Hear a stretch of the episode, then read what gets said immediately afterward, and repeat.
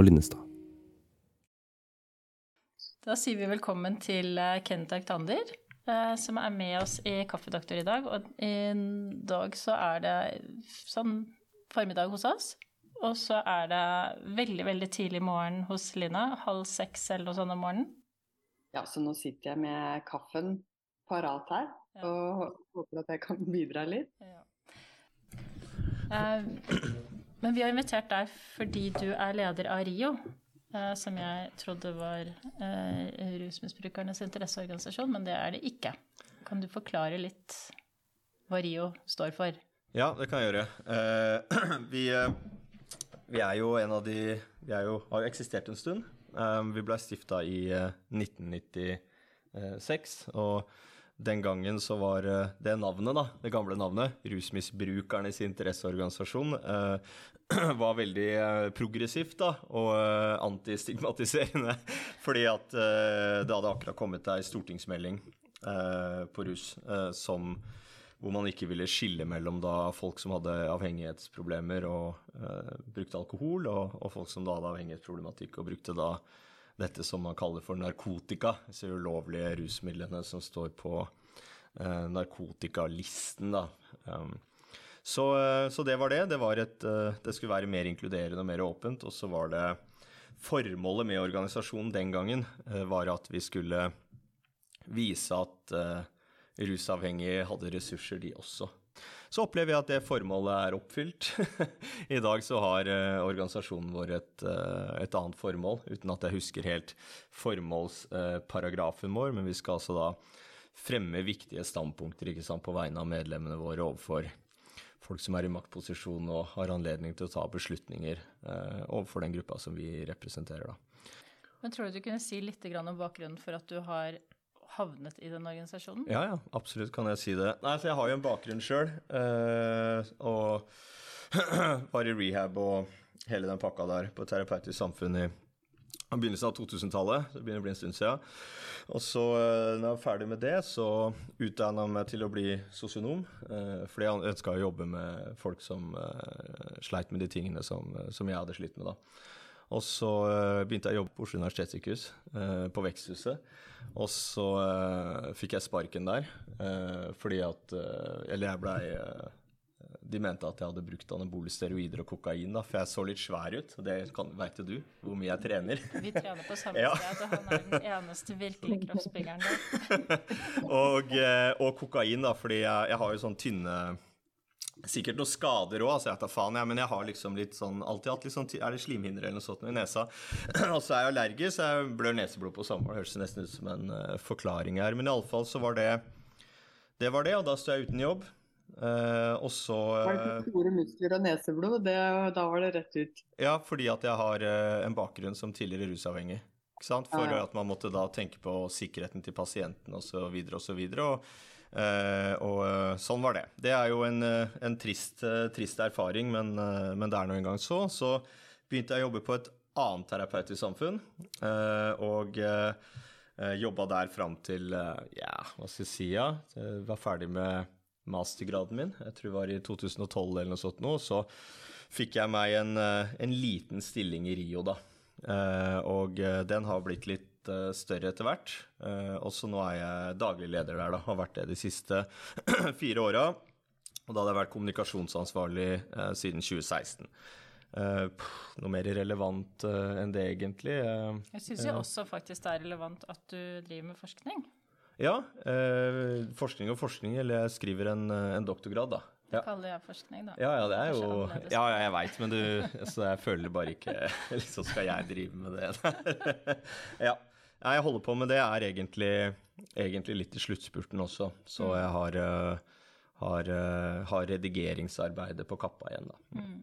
Så du har Kan du si litt hva den forskningen, eller hva, hva doktorgraden handler om? Ja, det er en eh, Det jeg eh, forsøker, eller det jeg ser på, er hvordan eh, Og det er knytta til kanskje noe av det vi skal prate om i dag, som er ruspolitikk og rusreform og sånne ting, men hvordan det har seg eh, at vi i samfunnet vårt da ser på en politisk endring som innebærer å presse folk som bruker ulovlige rusmidler, inn i ulike disiplinerende på en måte regimer, da, hvorfor vi ser på det som progressivt, eh, frigjørende og liberalt. Så det er, og for å gjøre det, så bruker jeg jo en sånn eh, altså metode eller analysestrategi som heter genealogi, da.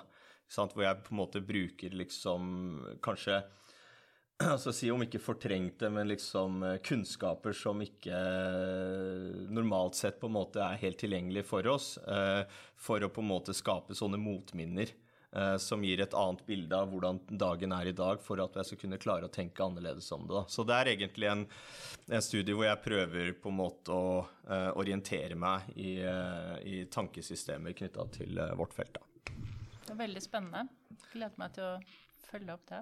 Ja. Ehm, men du har jo vært utrolig opptatt av dette med rusreformen. Vært mm. en av de fremste talspersonene for den, og også sittet i den arbeidsgruppa, har du ikke det? Jeg var, eh, jeg var medlem. Eh, så ble jeg spurt i 2018, da de nedsatte det, dette rusreformutvalget, om jeg kunne tenke meg å sitte der, og det ville jeg gjerne. Men det var ledet av eh, Runar Torgersen, altså første statsadvokat hos Riksadvokaten. Ja, riktig. Mm. Vi må kanskje repetere litt hva det egentlig handler om. Ja.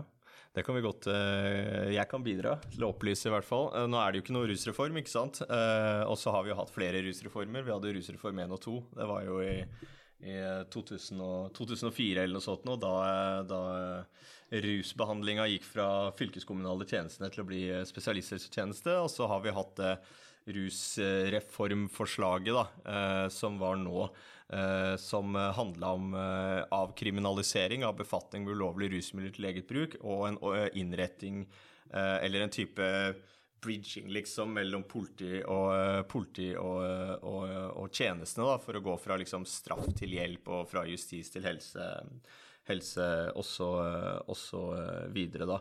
Eh, vil du liksom jeg skal si noe om utredningsarbeid og Ja. Det var jo egentlig. Så jeg tror hvis vi spoler tida litt tilbake, så i 2016 eh, så gikk jo alle brukerorganisasjonene og, eh, og, de hadde ikke alltid vært enige tidligere. Og den organisasjonen jeg nå leder, var også blant mer av de konservative eh, tidligere, da. Det er ikke sånn, det er ikke sånn, er ikke sånn, sånn nå. Men samla som en, et opprop. En eh, kronikk da, eh, der eh, vi ba om at man avkriminaliserte bruk og besittelse av ulovlige rusmidler. Den var adressert til den første av syv justisministre fra Frp, tror jeg. Anders Anundsen. og het jo 'Kjære justisminister Anders Anundsen'. Og så var det en en klagesang ikke sant, om alle de negative konsekvensene ved bruken av straff og kriminalisering og ikke sant, utstøtingsmekanismer, stigmatisering, alle de tingene der. Og da ja, viste til eksempler på andre steder der man hadde løst dette her annerledes, og hvor himmelen ikke hadde falt i hodet på folk, og alle løp rundt tannløse i gatene og ikke sant, osv. Men at dette er en, en gangbar, vei, gangbar vei videre, at man gjør en sånn, gjør en sånn endring, da. og så fikk vi aldri noe svar fra Anundsen på det. Eh, men eh, vi fikk et svar fra nestlederen i Høyre, eh, som på det tidspunktet også var helse- og omsorgsminister, Bent Høie, som het 'Hjelp, ikke straff rusbrukere'. Og så ønska ikke han å bruke ordet avkriminalisering, fordi at mange da assosierte det med legalisering. Eh, men, eh, og det mener jeg var en sånn, litt sånn eh, tabbe, da. Man bør egentlig bare si det helt konkret liksom hva det er, og så forklare på en måte innholdet, innholdet i det begrepet, da, istedenfor at det da skulle liksom fortsette å, å, å få lov til å eksistere en sånn, en sånn forvirring.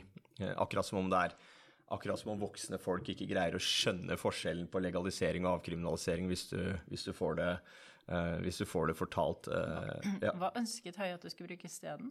Nei, altså det, han hadde ikke noe sånn godt eh, Fordi du har liksom legalisering, avkriminalisering og depenalisering er jo på en måte de ikke sant? Det er de tre endringene du kan gjøre ut ifra et uh, kriminalisert uh, regime. Da. Dette er jo rettslige begreper, juridiske begreper, så uh, Men det, det men Depenalisering, er det bare ikke straffe? Eller penalty, har det noe med det å gjøre? Ja, jeg kjenner ikke Depenalisering handler egentlig om i, i, den sammenhengen her Jeg kan ta de tre, da. så hvis saken er at det er kriminalisert, ikke sant? Så det har allerede blitt kriminalisert. På et tidspunkt så var det jo ikke kriminelt, og så blei det kriminalisert. Uh, og så, innafor det regimet, så kan du depenalisere, som handler f.eks. om at man bruker mindre liksom sånne type straffende straffevirkemidler, da, uh, men at du kan bruke mer alternative straffereaksjoner Eh, eller at man reduserer på en måte omfanget av, eh, omfanget av straffen. da. Så at det er en oppmykning, men fortsatt at det er innafor eh, det regimet. Og så har du da avkriminalisering, eh, som handler rett og slett bare at du tar noe ut av det strafferettslige eh, og fører det over til, til det sivilrettslige. F.eks. så Hvis jeg har nå parkert feil da, når jeg skulle hit i dag, så eh, pleier man jo å kalle det en parkeringsbot eh, som jeg får, men det er jo ikke det, det er et eh, gebyr. Eh, så det er en sånn type sivilrettslig eh, sanksjon som kan, eh, kan, minne om straff, da. Jeg, jeg, tror du har helt rett i at dette er lett å forstå når man får det forklart, men jeg tror likevel at jeg er ikke sikker på om intuitivt at avkriminalisering og legalisering nødvendigvis er så innmari forskjellig for folk hvis man ikke vet om det, altså. Nei, men det er derfor man må forklare det. Eh, det jeg mener er at det er det Bent Høie skulle gjort med en gang. og, så, og, jeg tror at det hadde vært det ansvarlige eh, for den politiske ledelsen å være tydelig på at det er det det er snakk om en gang. Altså, De ble det etter hvert, men så, eh, men så opplever jeg at eh, det er mye onde tunger eh, også da, i den diskusjonen som ikke ønsker de endringene. Og jeg har nok opplevd at kanskje akkurat de aktørene er de som har vært liksom mest opptatt av at ikke at ikke de forstår disse forskjellene, men at ungdommen ikke kommer til å forstå mm. det. Det er det som på en måte har vært argumentet hele tiden. Og det eh, Når jeg snakker med ungdom, da, eh, så opplever ikke jeg for det første at ikke de forstår det. Eh, veldig mange ungdom er ganske oppdatert på i hvert fall de som er opptatt av, av dette feltet. Og for det andre at det er veldig enkelt å forklare det. Ikke sant? Det er ikke noe vanskeligere enn, enn det som jeg gjorde nå. Hvis jeg bare avslutte det, den rekka, da, fordi at uh, i tillegg til avkriminalisering så har du da uh, depenalisering, avkriminalisering og legalisering. Og legalisering er uh, noe annet som jeg er for, og det er jo at du Det som på en måte har vært ulovlig, blir gjort lovlig.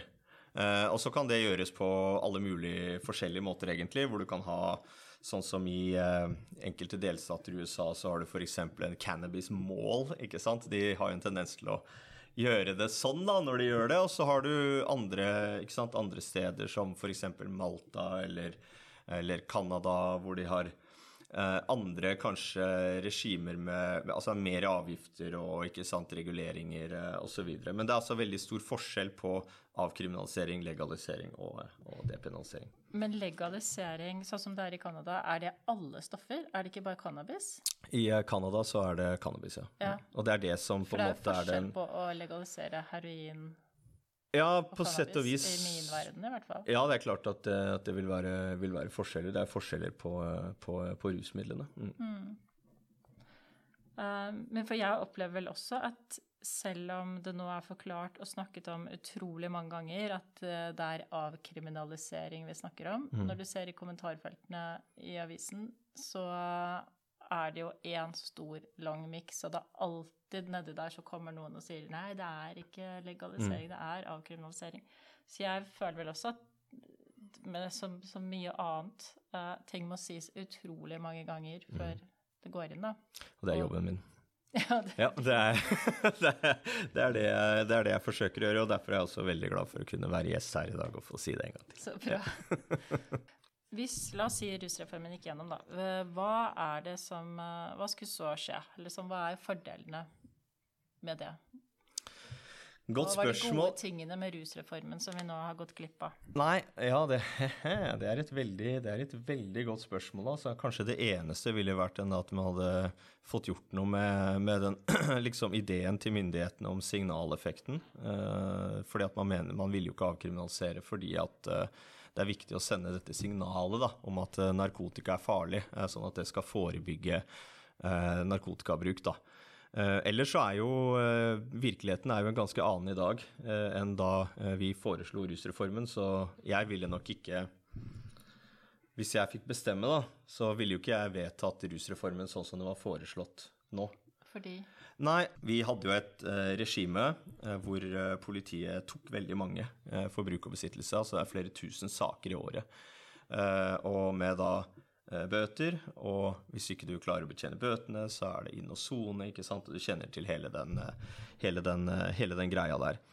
Eh, avkriminaliseringa, eh, sånn som den var foreslått fra rusreformutvalget, eh, var jo at man gjorde noen endringer i legemiddelloven, så der hvor det står bruk og besittelse, at det tas ut av legemiddelloven. Den jo, har jo i dag eh, hadde, i hvert fall hadde seks måneder eh, fengsel, ikke sant?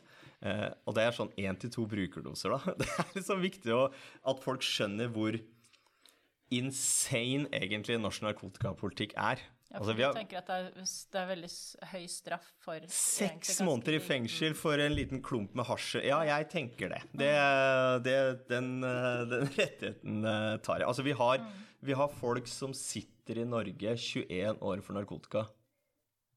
Sant? Og jeg, jeg pleier å prate med Men har det vært Det har jo vel vært litt heftig salg hvis du får 21 år?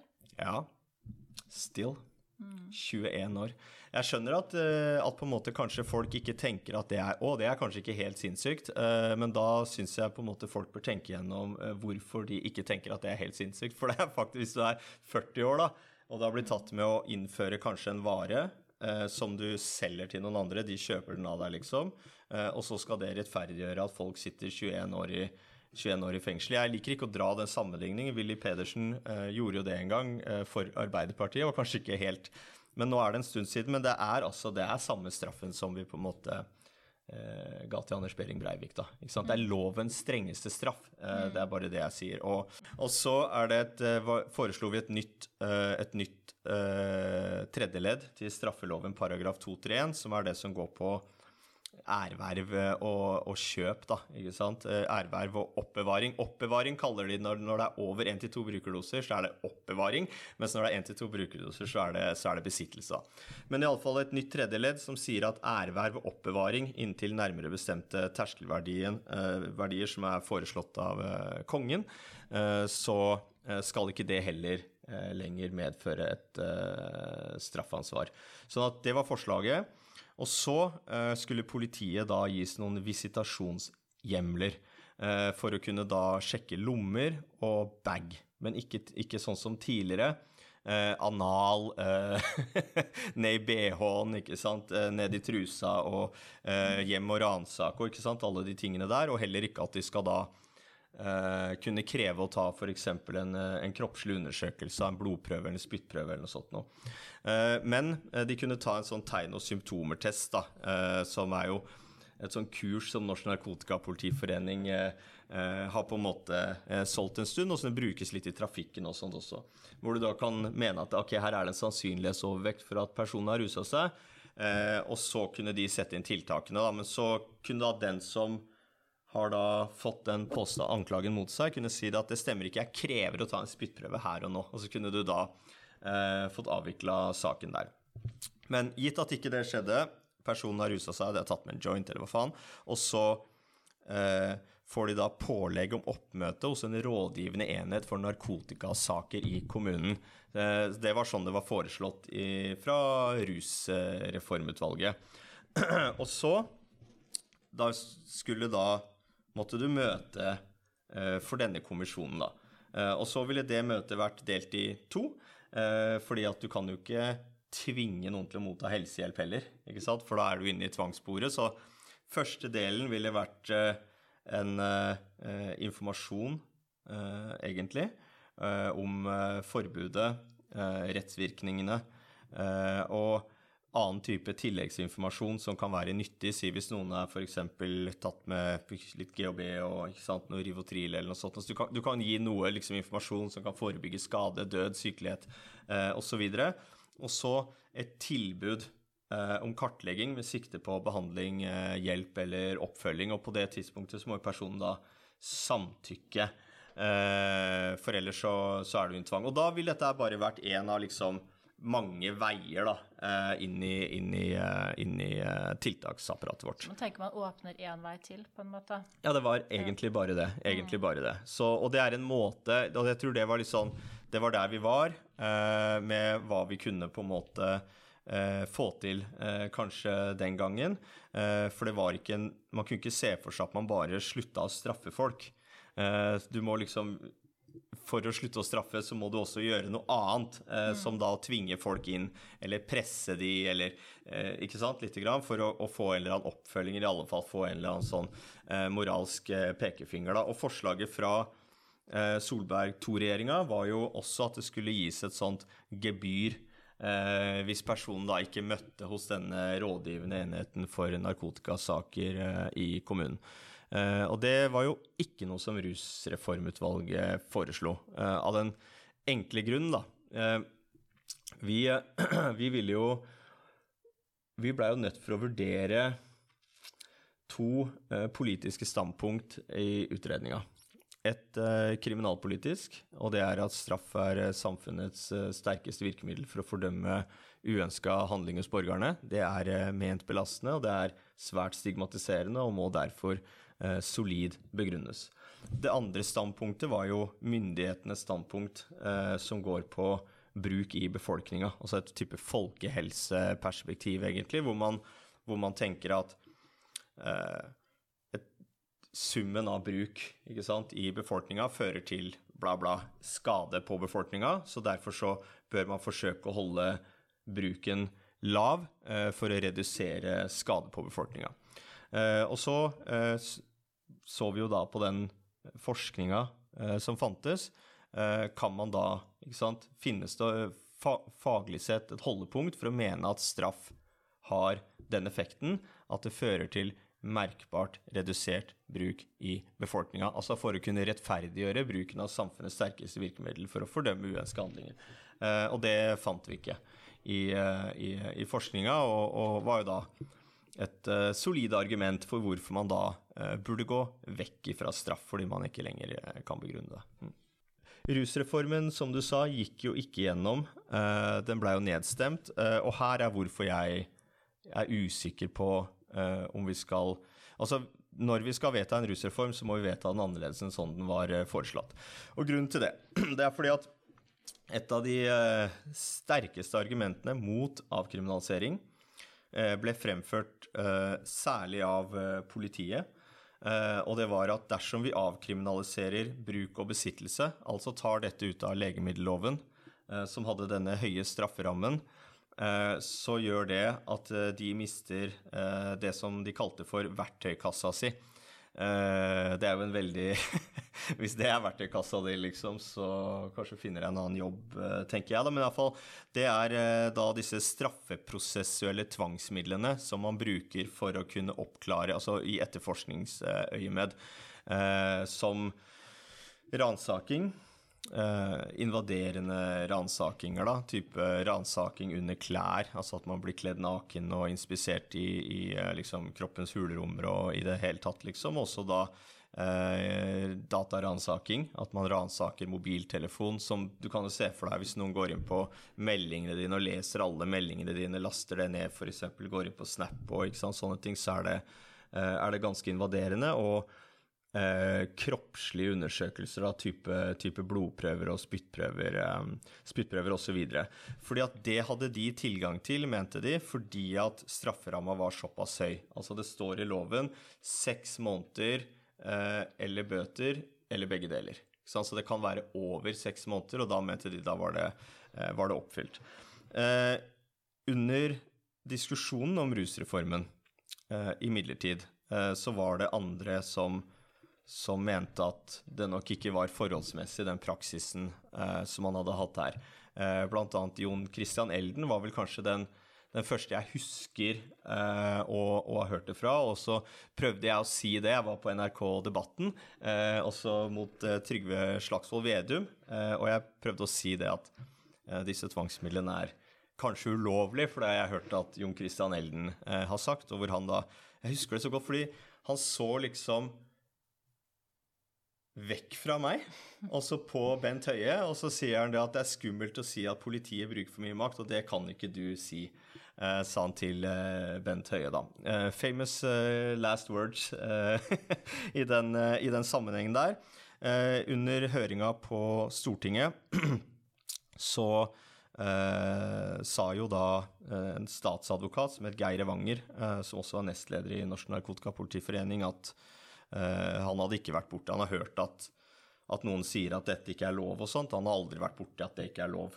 Uh, og så uh, sier riksadvokaten, Jørn Sigurd Maurud, at han hadde fått med seg disse argumentene, men om at de ville miste adgangen til disse tvangsmidlene dersom man avkriminaliserte, men at han var ikke enig i det, fordi at de hadde aldri hatt den ja, adgangen. Også, ikke sant? Og, ja.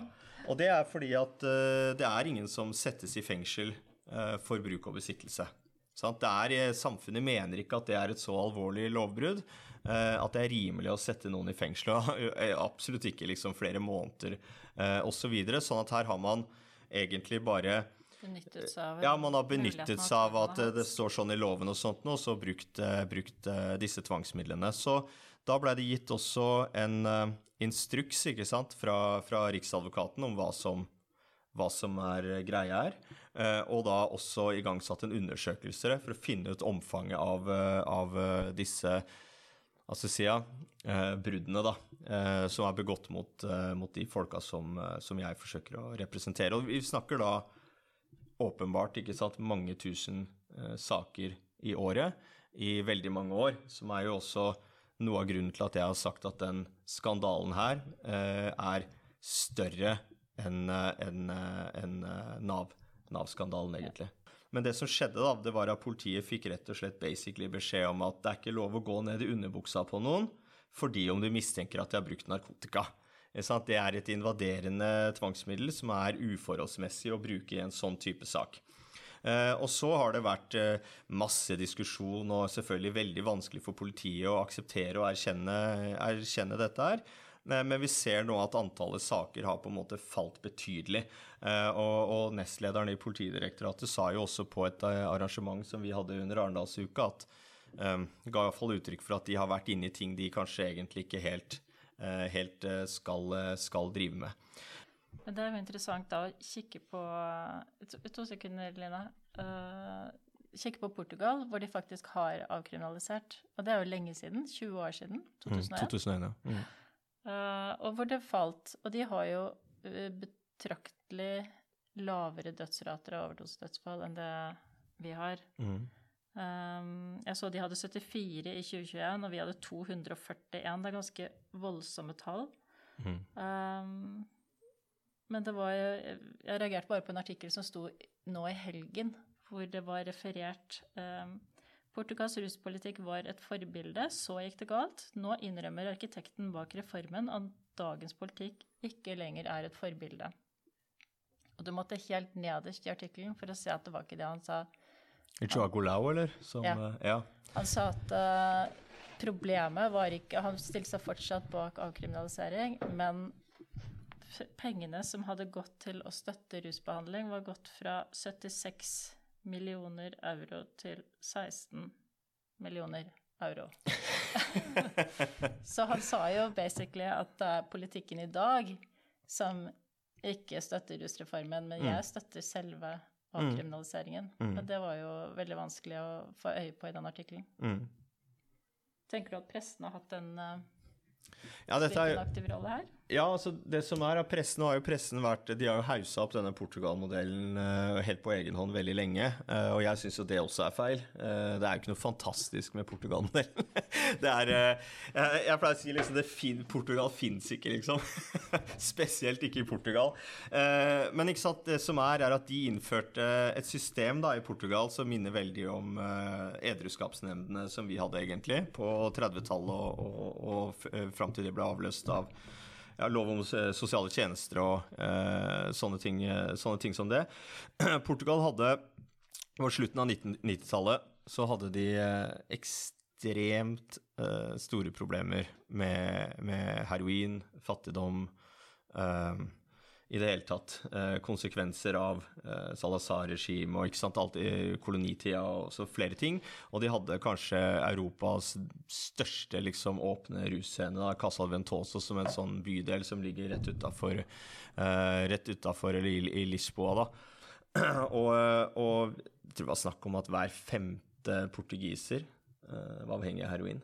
Så at de hadde virkelig virkelig omfattende, omfattende problematikk, og det, og det, gikk på tvers av klasser og, øh, og alt øh, sånt. Så det gjorde at politikerne følte et veldig ansvar sant, for å gjøre noe her, eh, som var noe annet enn å sette inn politi og alle de tinga man på en måte har, har, pleid å gjøre. Og det er typisk når det begynner å berøre middelklassen, så kommer det alltid litt sånn softere, eh, softere tilnærminger og sånn. Så det de gjorde, de satte ned et eh, ekspertutvalg som var ledet av Joa Golau Eh, som vet ikke om han har samme jobben i dag, men iallfall leder av et narkotikadirektoratet i, eh, i ja, Portugal. Det at han ja, Sikad, ja, mm. ja, Så det har han vært i, i, i, mange år, og de kom med jeg tror det var 13 eh, forskjellige forslag, eh, og alle ble tatt i følge.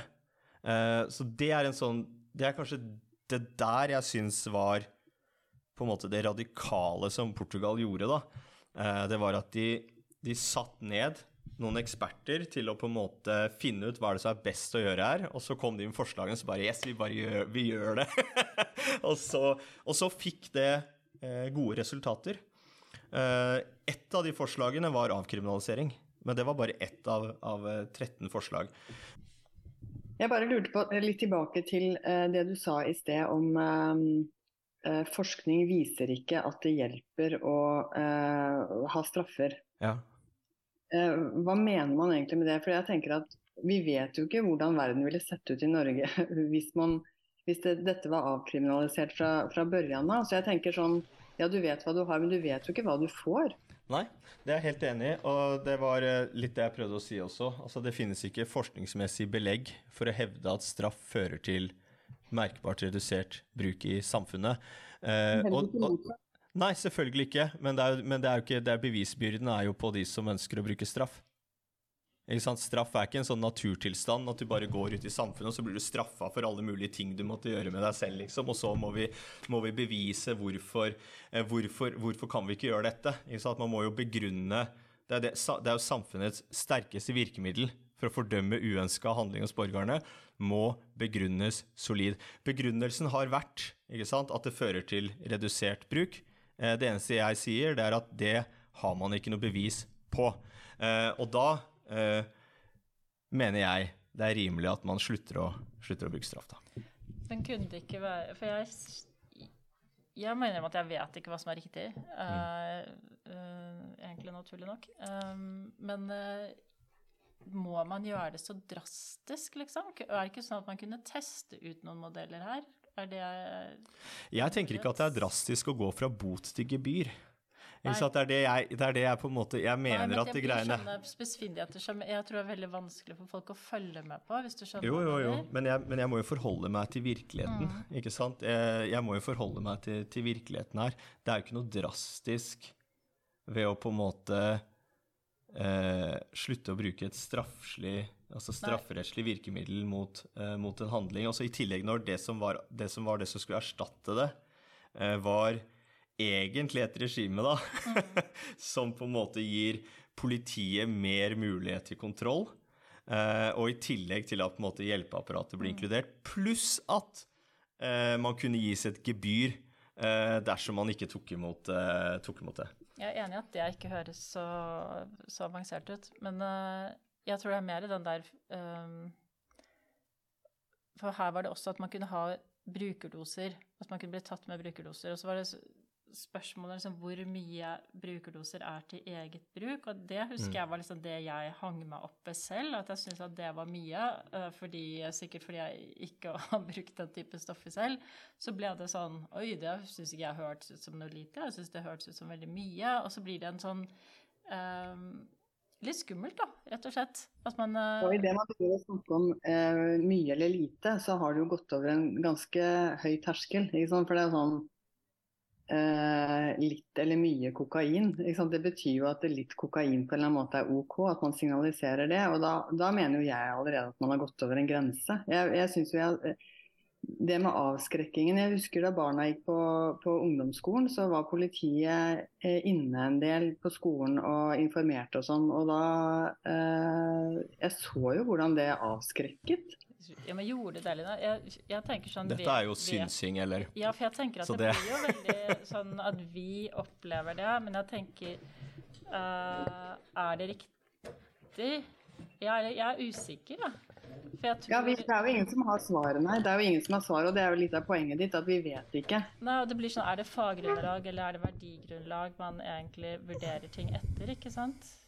Uh, en vanskelig eh, Nei, men altså, hvis, hvis, hvis man skal ha det sånn, da, ikke sant, at man trenger ikke begrunne hvorfor man bruker straff, eh, da, da syns jeg det gir helt mening å på en måte eh, Jo, ja, men det er det jo ingen av oss som egentlig mener at vi ikke skal begrunne ting. Men, men jeg tror det er den eh, det Men jeg bare tenker hvordan jeg, altså Hvis jeg kan bare være litt vanskelig, da, men liksom hvordan eh, um, Hvordan skulle man begrunna det så jeg mener på noen annen måte, da? ikke sant? For jeg tenker liksom at det er, det er jo gjort en del forskning, ikke sant? Og det var jo det vi i Rusreformutvalget så på. Og det var ikke sånn én studie eller noe sånt noe. Det er gjort ganske mange studier. altså Selvfølgelig, det kunne absolutt vært mer empiri, liksom. Eh, men det var jo, det var jo en metaanalyse, f.eks. Eh, og så kom det en, en systematic review etter det som inkluderte jeg tror, 114 forskningsartikler eller noe sånt noe. Og på en måte, de peker jo på det samme alle sammen. Ikke sant? Det er at man, man finner egentlig ikke bevis for om du, om du Se, Hvis du slutter å straffe, om det da blir mindre løkbruk, eller hvis du øker straffene, om det blir mindre løkbruk. Det man på en måte ser i, i det store og det hele, da, at det er mest sannsynlig andre ting eh, som driver, eh, som driver bruksmønstre, eh, og som driver eh, markedene. For eksempel så har det vært snakk veldig mye nå om at det har blitt så økt kokainbruk. Ikke sant? Det har det vært snakk om, og det, derfor bla, bla, bla. Ikke sant? Så er jeg sånn Ja, men nå vedtok vi ikke den rusreformen, ikke sant? og det er jo ingen tvil om at dette er straffbart. Og politikerne har jo slått fast at det skal være straffbart, fordi det er litt viktig å sende et, eh, et signal. Og så ser man liksom at oi, bruken øker allikevel, ikke sant? og det blir gjort noen svære beslag ikke sant, her og der.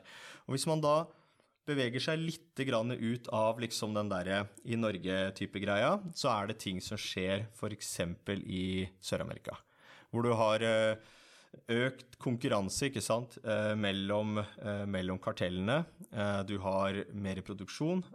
Det kommer mer kokain. Det er renere kokain. ikke sant, Får folk til en billigere penge. Dette her er med på å påvirke bruksmønstrene til folk. da. Det er veldig lite egentlig du oppnår ved å på en måte om det står at dette skal kunne straffes med inntil så og så lenge i, eh, i legemiddelloven. Jeg, tror vi, jeg tror vi rett og slett bare vi liksom Vi tror for mye på um, hvilken, effekt, uh, hvilken effekt det har, da. Ja, for det er jeg litt enig i. eh, Litt i forhold til at vi faktisk har en ganske mislykka ruspolitikk, i den forstand at vi har veldig, veldig høyt andel eh, overdosedødsfall. Eh, Så det har jo åpenbart ikke hatt noen spesiell effekt sånn sett. Um, og jeg tror egentlig på, også på det å ikke straffe Mm. når du først får tak i unge mennesker, at jeg skal ikke være det første, og de skal ikke være redd for å søke hjelp pga. straff. Jeg Mm. synes For meg så blir det kanskje de viktigste argumentene. Uh, samtidig så føler jeg at uh, jeg vet ikke helt hva vi uh, hva vi tilbyr, eller hvordan vi kommer i posisjon da, for å gi en god behandling. Selv Ok, la oss si vi dropper alt det der med straff, da. Eh, vi eh, gjør det enklere å søke hjelp, men hvordan er rustilbudet vårt godt nok, liksom? Er rusbehandlingen vår god nok? Er det uh, Greier vi å få det til? Jeg tror hvis du ser på Norge versus uh, en del andre land, da, uh, så, så har Norge en ganske utbygd velferdsstat. Vi har mye mer tilbud uh, enn det som er vant i, i veldig mange, vanlig veldig mange andre land. Uh, så det må vi ta med oss. Alltid ta med oss det, tenker jeg. Men det betyr jo ikke at vi selvfølgelig, vi har jo mange ting vi eh, ville at man skulle, skulle, gjort mer av, eller man skulle gjort, eh, skulle gjort eh, annerledes. Jeg bare mener at det trenger ikke å henge sammen med om man på en måte straffer, eh, straffer folk eller ikke. da. Og nå får jo ikke folk straff for denne bruk og besittelsen, ikke sant? fordi at politiet kan jo ikke ta folk. Altså de, de, du greier, også Hvordan skal du få til det? Det er jo det de sa. Hvordan skal vi få det til hvis ikke vi kan ta blodprøver, da? ikke sant? Nei, det er litt vanskelig. Hvis du mener, Hei, jeg mener at du har rusa deg, så bare OK, liksom. Ja, kan jeg ta en blodprøve? Så nei, det kan du ikke. Så det er veldig vanskelig, og så har politiet fått beskjed om at dette skal de eh, egentlig, ikke, egentlig, ikke, holde på med heller, da. Så jeg mener at vi kunne bare avslutta der ved å bare liksom gjort de endringene i legemiddelloven, gjort de endringene i straffeloven, og så på en måte droppa det der greiene med at politiet skal drive og sende folk til kommunen, og så skal de få beskjed om at dette er forbudt, og så Ikke sant. Mm. Det er et sånt, eh, et sånt byråkrati jeg, jeg tror vi kan, eh, kan, droppe. Men samtidig så, så må ikke liksom den diskusjonen der få lov til å stå i veien for de endringene vi trenger å gjøre i tiltaksapparatet. Og jeg syns at det er en sånn stor kjip ting som på en måte politikerne har endt opp med å gjøre, det er at uh, det, uh, hva slags tiltak man skal sette inn, knyttes veldig til, uh, veldig til dette her, da. Mm. Hvis du skulle, hvis skal avslutte, og du skulle ønske deg noe fra vår side, da, fra leger, fastleger, psykiatrien, rusomsorgen, mm. hva skulle du ønske deg da? Uh, ja, hva skulle jeg ønske meg? Til tross for at jeg hadde, var veldig enig med Psykologforeninga og veldig uenig med Legeforeninga. Uh, og og sånt i, i, den runden her, men jeg er vant til at leger er litt konservative. så det er jo det er ja, i hvert fall Hva var forskjellen, bare for å nevne det kort? Hæ? Hva var forskjellen på Legeforeningen og Psykologforeningen? Nei, Legeforeningen var imot avkriminalisering, så de er for straff. De var for avkriminalisering, ja. Samme som Norsk Sykepleierforbund og, psykolog, og uh, Fellesorganisasjonen og Advokatforeninga. Ja. Uh, I det hele tatt så var det mer type Legeforeninga Eh, Senter for rus- og avhengighetsforskning eh, og eh, ja, husker ikke jeg. Mm. Folkehelseinstituttet, eller forskerne ved Folkehelseinstituttet, Jørgen Bramnes og Andine Bredtvild Jensen, var vel kanskje de, de, sterkeste kritikerne imot. Når det er sagt, da, så, så på en måte kunne jeg nok ønske meg da at nå har debatten liksom tona seg litt ned, og det har blitt litt kjøligere, og støvet har lagt seg litt og sånt, så, men at at den kommer jo igjen. Uh, og rett og slett bare at uh, er med videre og fortsetter å diskutere. Uh, det, tror er, det, tror jeg er, veldig viktig, og så, så, så det er egentlig det, det, er egentlig det, jeg, det jeg, ønsker der. Men har, vi har masse tanker for særlig kanskje det som, som gjelder for leger. så så opplever nok vi at det finnes en del leger som er veldig opptatt av å forsøke å hjelpe kanskje noen av de som har det aller vanskeligst, da, eh, som har eh, veldig omfattende type substitusjonsproblemer og, eh, og dobbeltdiagnoser og sant, sånne ting, men som, som, på en måte opplever enten å miste lisensen, ikke sant, og, og det, det blir fort veldig mye sånn.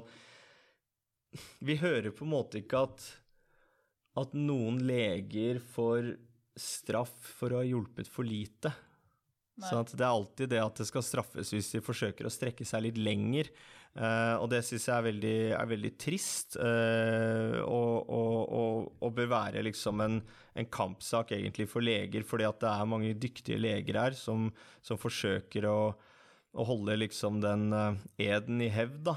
Uh, og som uh, mister lisensen, og som på en måte får det, får det, veldig vanskelig. Og disse pasientene står ofte uten, uten et tilbud også. Uh, så, så, det bør Legeforeninga være opptatt av.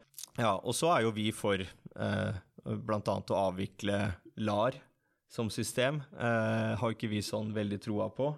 det er jo altså legemiddelassistert rehabilitering, at det gis erstatningsmedisin ved opioidavhengighet uh, f.eks., men som er et veldig sånn litt sånn rigid sånn særomsorgssystem som baserer seg utgangspunktet på mistillit, og at disse pasientene er veldig vanskelige. Og, ikke sant? Sånne, sånne, ting som det, og det er sikkert Men er det selve systemet dere er ja. til, eller eh, Ikke substitusjonsbehandling. Nei, nei, substitusjonsbehandling er, det er jo helt nødvendig ja. i, i, mange tilfeller, uh, men man trenger ikke ta utgangspunkt mm. i at uh, fordi du er rusavhengig, så, så da kommer du til å å lyve og manipulere, eller du kommer til å, eh, du kommer til å selge medisin, eller ikke sant. Og så skal man hele tiden drive og kontrollere, og så kontrollere på en måte det legene igjen også. Så det er på en måte en veldig sånn, sånn eh, negativ, negativ greie. Så jeg syns egentlig at leger bør eh, eh, ha den, eh, den, eh, den faglige anerkjennelsen som de, som de strengt tatt egentlig fortjener.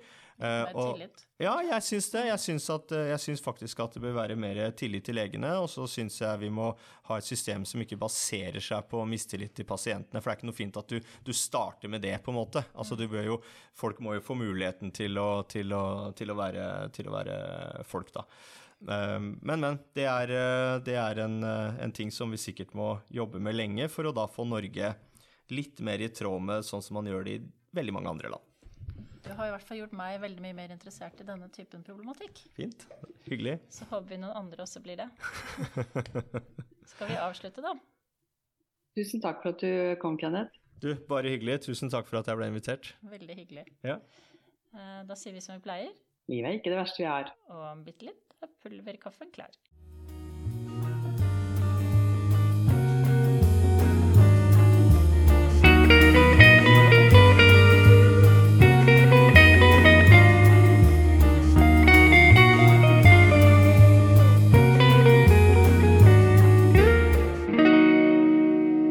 Kaffedoktor med Rom og Linnestad.